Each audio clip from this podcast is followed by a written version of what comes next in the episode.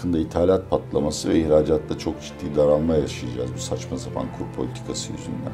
Şimdi borsa çok tehlikeli. Hem büyük fırsatlar hem büyük riskler arz ediyor.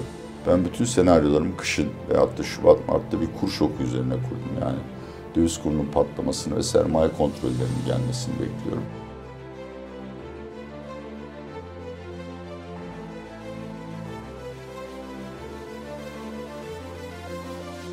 Atiye Bey merhaba. Merhabalar Semih. Stüdyomuzdasınız. Hoş geldiniz. Hoş bulduk. Şeref getirdiniz. Çok sağ olun. Buraya Nasıl- gelirken de trafik çok rahattı. Buradan Türkiye'nin resesyona girdiğini anlıyoruz. O da milletimize hayırlı olsun.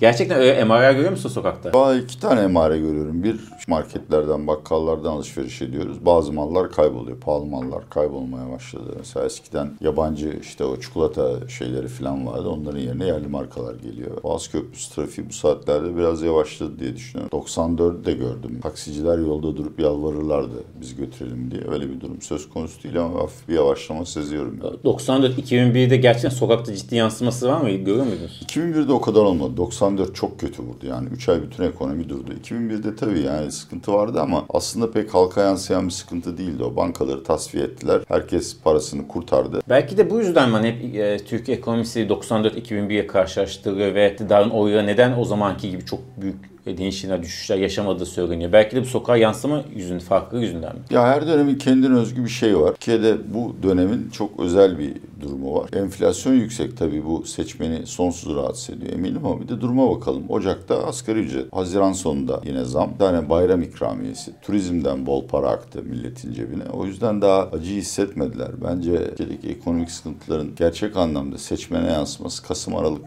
ve kışın Tabii kışın ne kadar ağır geçeceğine bağlı. Ocak-Şubat aylarında. Atiye Bey bugün e, yatırım işini konuşacağız. Paramızı da tasarrufumuzu nereye yatırabiliriz diye konuşacağız. Tabii bunun için en önemli şeylerden bir- birisi sanırım geniş bir bilgi ağına ulaşmak. Yani ne kadar informe olursak o kadar iyi yatırım yapabiliriz. Bunun için de hem Türkiye, Türkiye'de yaşayan bir vatandaş olarak hem Türkiye'deki bilgi akışını hem de yurt dışındaki bilgi akışı takip etmek lazım değil mi? Evet. Bunu, bunu nasıl yapıyorsunuz? Siz bu işte mali bir insansınız. Valla e, söylediğinizin ekonomik karşılığı beşeri sermaye birikimidir. İnsanın yapabileceği en büyük yatırım kendinedir. Önce sağlık sonra bilgi. Ve maalesef her ne kadar Türkçe çok kıymetli bir insan olsa lingua franca yani herkesin konuştuğu ve kullandığı bir dil değil. Ben çok açık söylüyorum yani çok zengin değilim ama 30 yılda ne kazandıysam %50'sini İngilizce konuşmama ve okumama borçluyum. O yüzden her yabancı dil kıymetli ama e, ailelere e, yaşı yok büyüklere de ama her şeyden önce çocuklara küçük yaştan itibaren İngilizce eğitimi vermelerini öneririm. E, Kent B'de de e, çocuklar için online İngilizce dersleri var.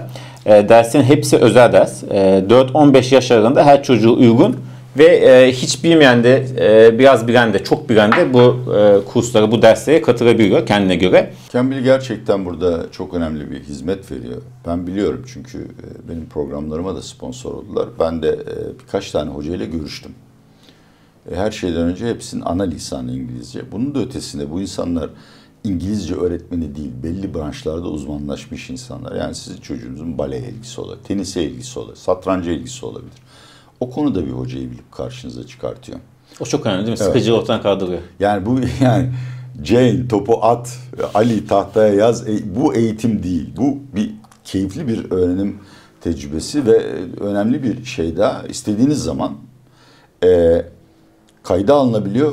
Ebeveyn seyredebilir çocuğun aşama kaydettiğini görmek için. Çocuk keyif alıyor. Bence yani ya tabii çok hali vakti yerinde olan özel hoca tutuyorlar, yurt dışına gönderiyor. Tabii o gayet güzel bir şey. Her şey değer ama bunları yapamayanlar için Cambly'i öneriyorum. Cambly Kids'i. Şu anda Camp Bikis'te e, çok büyük bir kampanya var. E, çocuğunuzun geleceğine en avantajlı fiyatta yatırım yapabilirsiniz. %60 indirim var Campy'de. E, indirim kodu da açıklama kısmında tüm izleyeceğimiz bulabilir. Evet Yani gösterdi. YouTube şeyine de alışık değilsin memelerine. E, kendinize yatırım özellikle çocuğunuza yatırım en önemli şeydi. Herkese tavsiye ediyoruz. Şimdi konumuza geçelim. Atiye Bey bu bölümde hayat geçim sıkıntısını değil yatırım kısmını konuşacağız daha çok. Paranız olsa neye yatıracağınızı konuşacağız. Neye Yok, yatırdınız? torunlarım var. Tamam.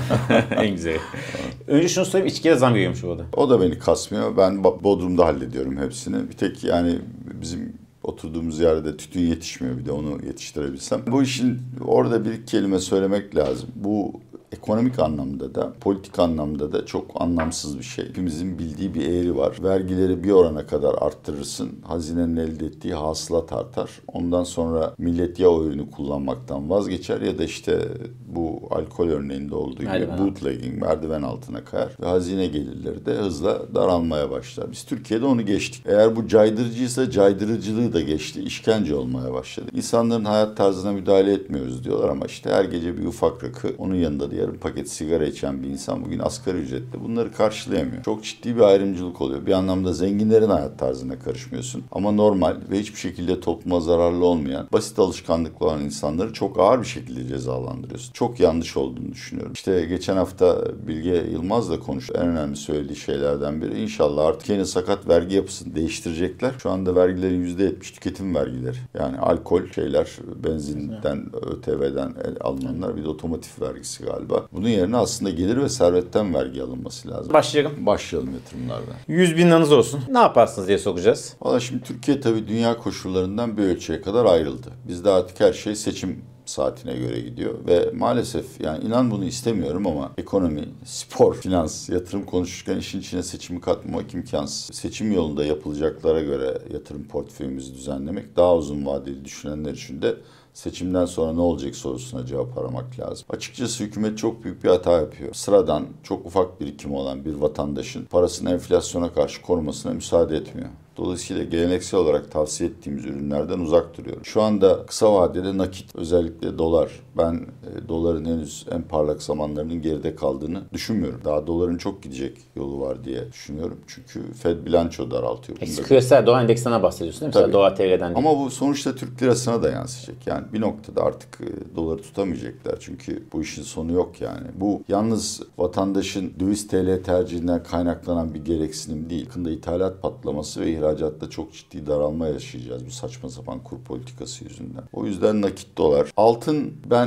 altın hastasıyım çünkü jeopolitik risklere çok önem veriyorum. Maalesef ne Türkiye'de ne dünyada e, jeopolitik riskler doğru fiyatlanmıyor. Jamie Dimon da söyledi bunu galiba JP Morgan'ın CEO'su. Ama bunların fiyatlanması lazım. Yani Ukrayna savaşı bitecek gibi değil. İran işte görüyoruz. Yani İran olayını küçümsememek lazım. Şu anda altın Fed'in sürekli faiz arttırımı yapacağı beklentisiye tabii burnunu kaldıramıyor ama uzun vadeli düşünenler için altını faydalı görürüm. Eğer benim gibi bir noktada bu suni olarak kuru baskılama politikasını iflas edeceğini düşünenler varsa altındır. 100 bin lirayla olmaz ama biraz daha büyük parası olanlar ve önümüzdeki bir yıl düşünenler için her senaryoda ben Eurobondları tavsiye ederim. Her zaman da ettim. Galiba 9-9.5'a düştü getiriler ama dolar bazında 9.5 getir hakikaten bulunulacak bir şey değil ve Türkiye hazinesi de temerrüte falan düşmez yani. Şimdi borsa çok tehlikeli. Hem büyük fırsatlar hem büyük riskler arz ediyor. Bir teori çıktı ortaya. Sayın Necmettin Batırel attı. Yani gülüyoruz beyefendi ama söylediği şey doğru yani. Bir noktada bu dolar TL'yi 18.60'da tutalım yine devam ederse KKM çözülecek. Çünkü orada kalmanın hiçbir avantajı evet. kalmadı. Bir de ikincisi bu Nurettin Nebati ile banka genel müdürlerinin toplantısından sonra sistemik risk lafı dolaşmaya başladı. Yani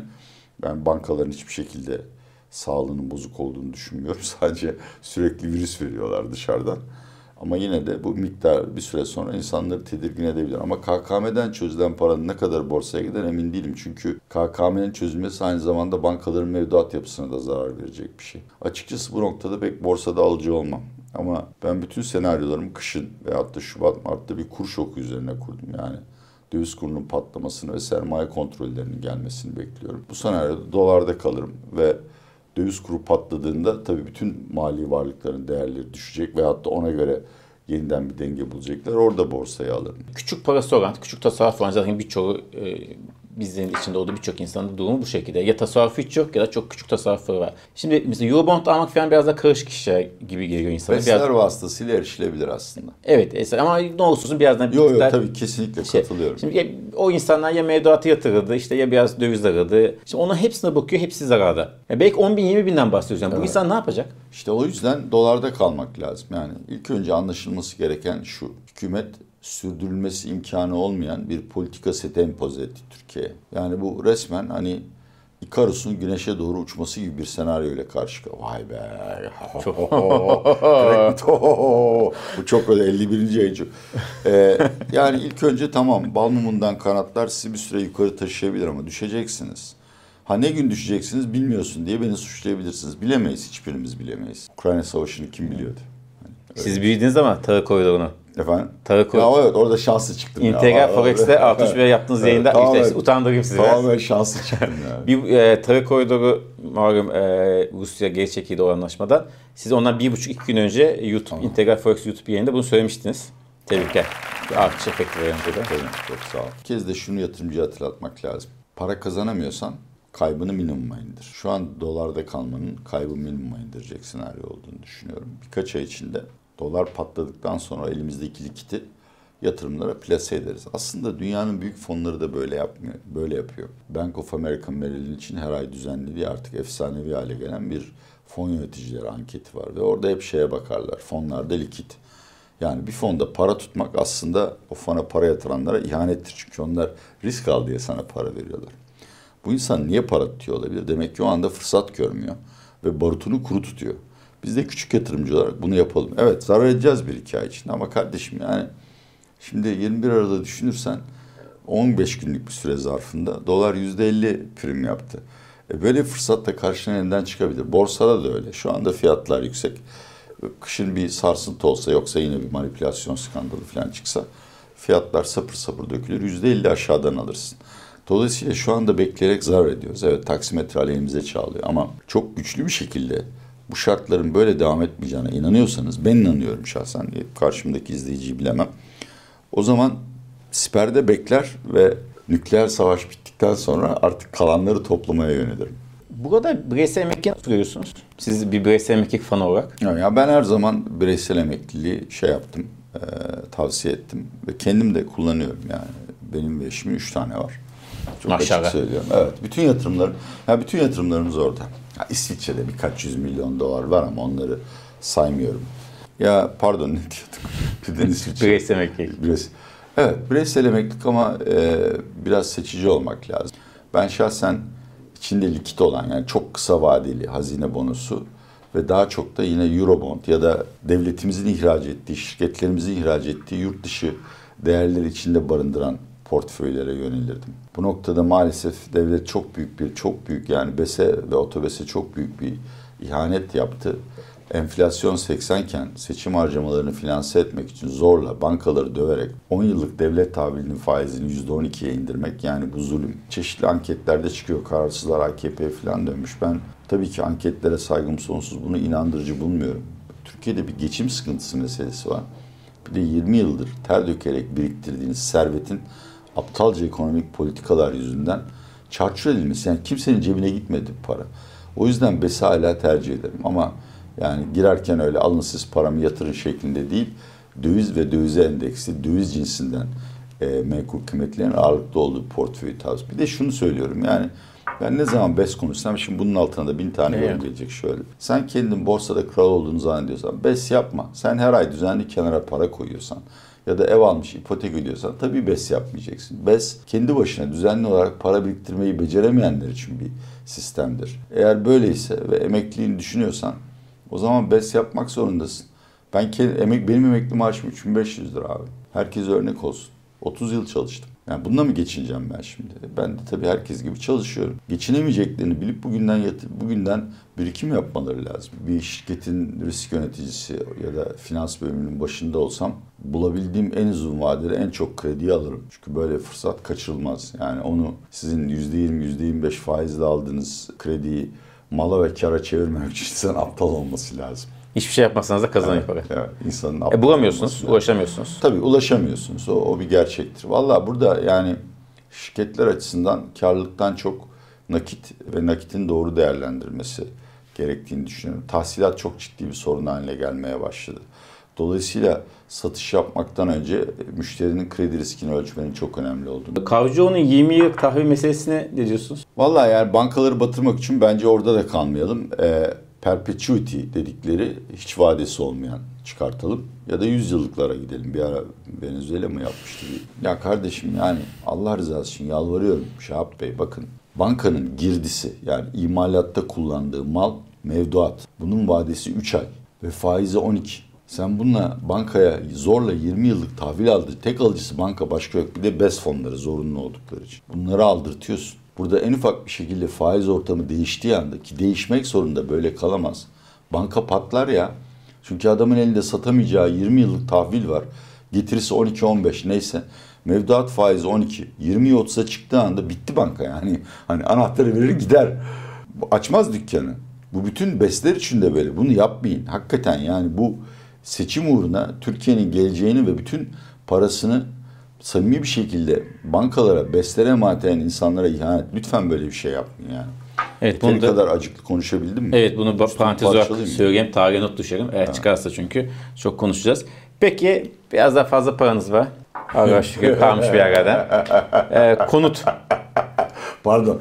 Benim aklıma başka bir şey geldi. Mi? Biraz daha fazla paramız var deyince ama neyse o zannederim YouTube'da yasaklıyor zaten. Evet. Konutla da tabii tabii tabii. tabii, tabii. Ee, evet biz şey çerçevede kalırım YouTube'un sınırı içerisinde. Biraz daha fazla paranız var.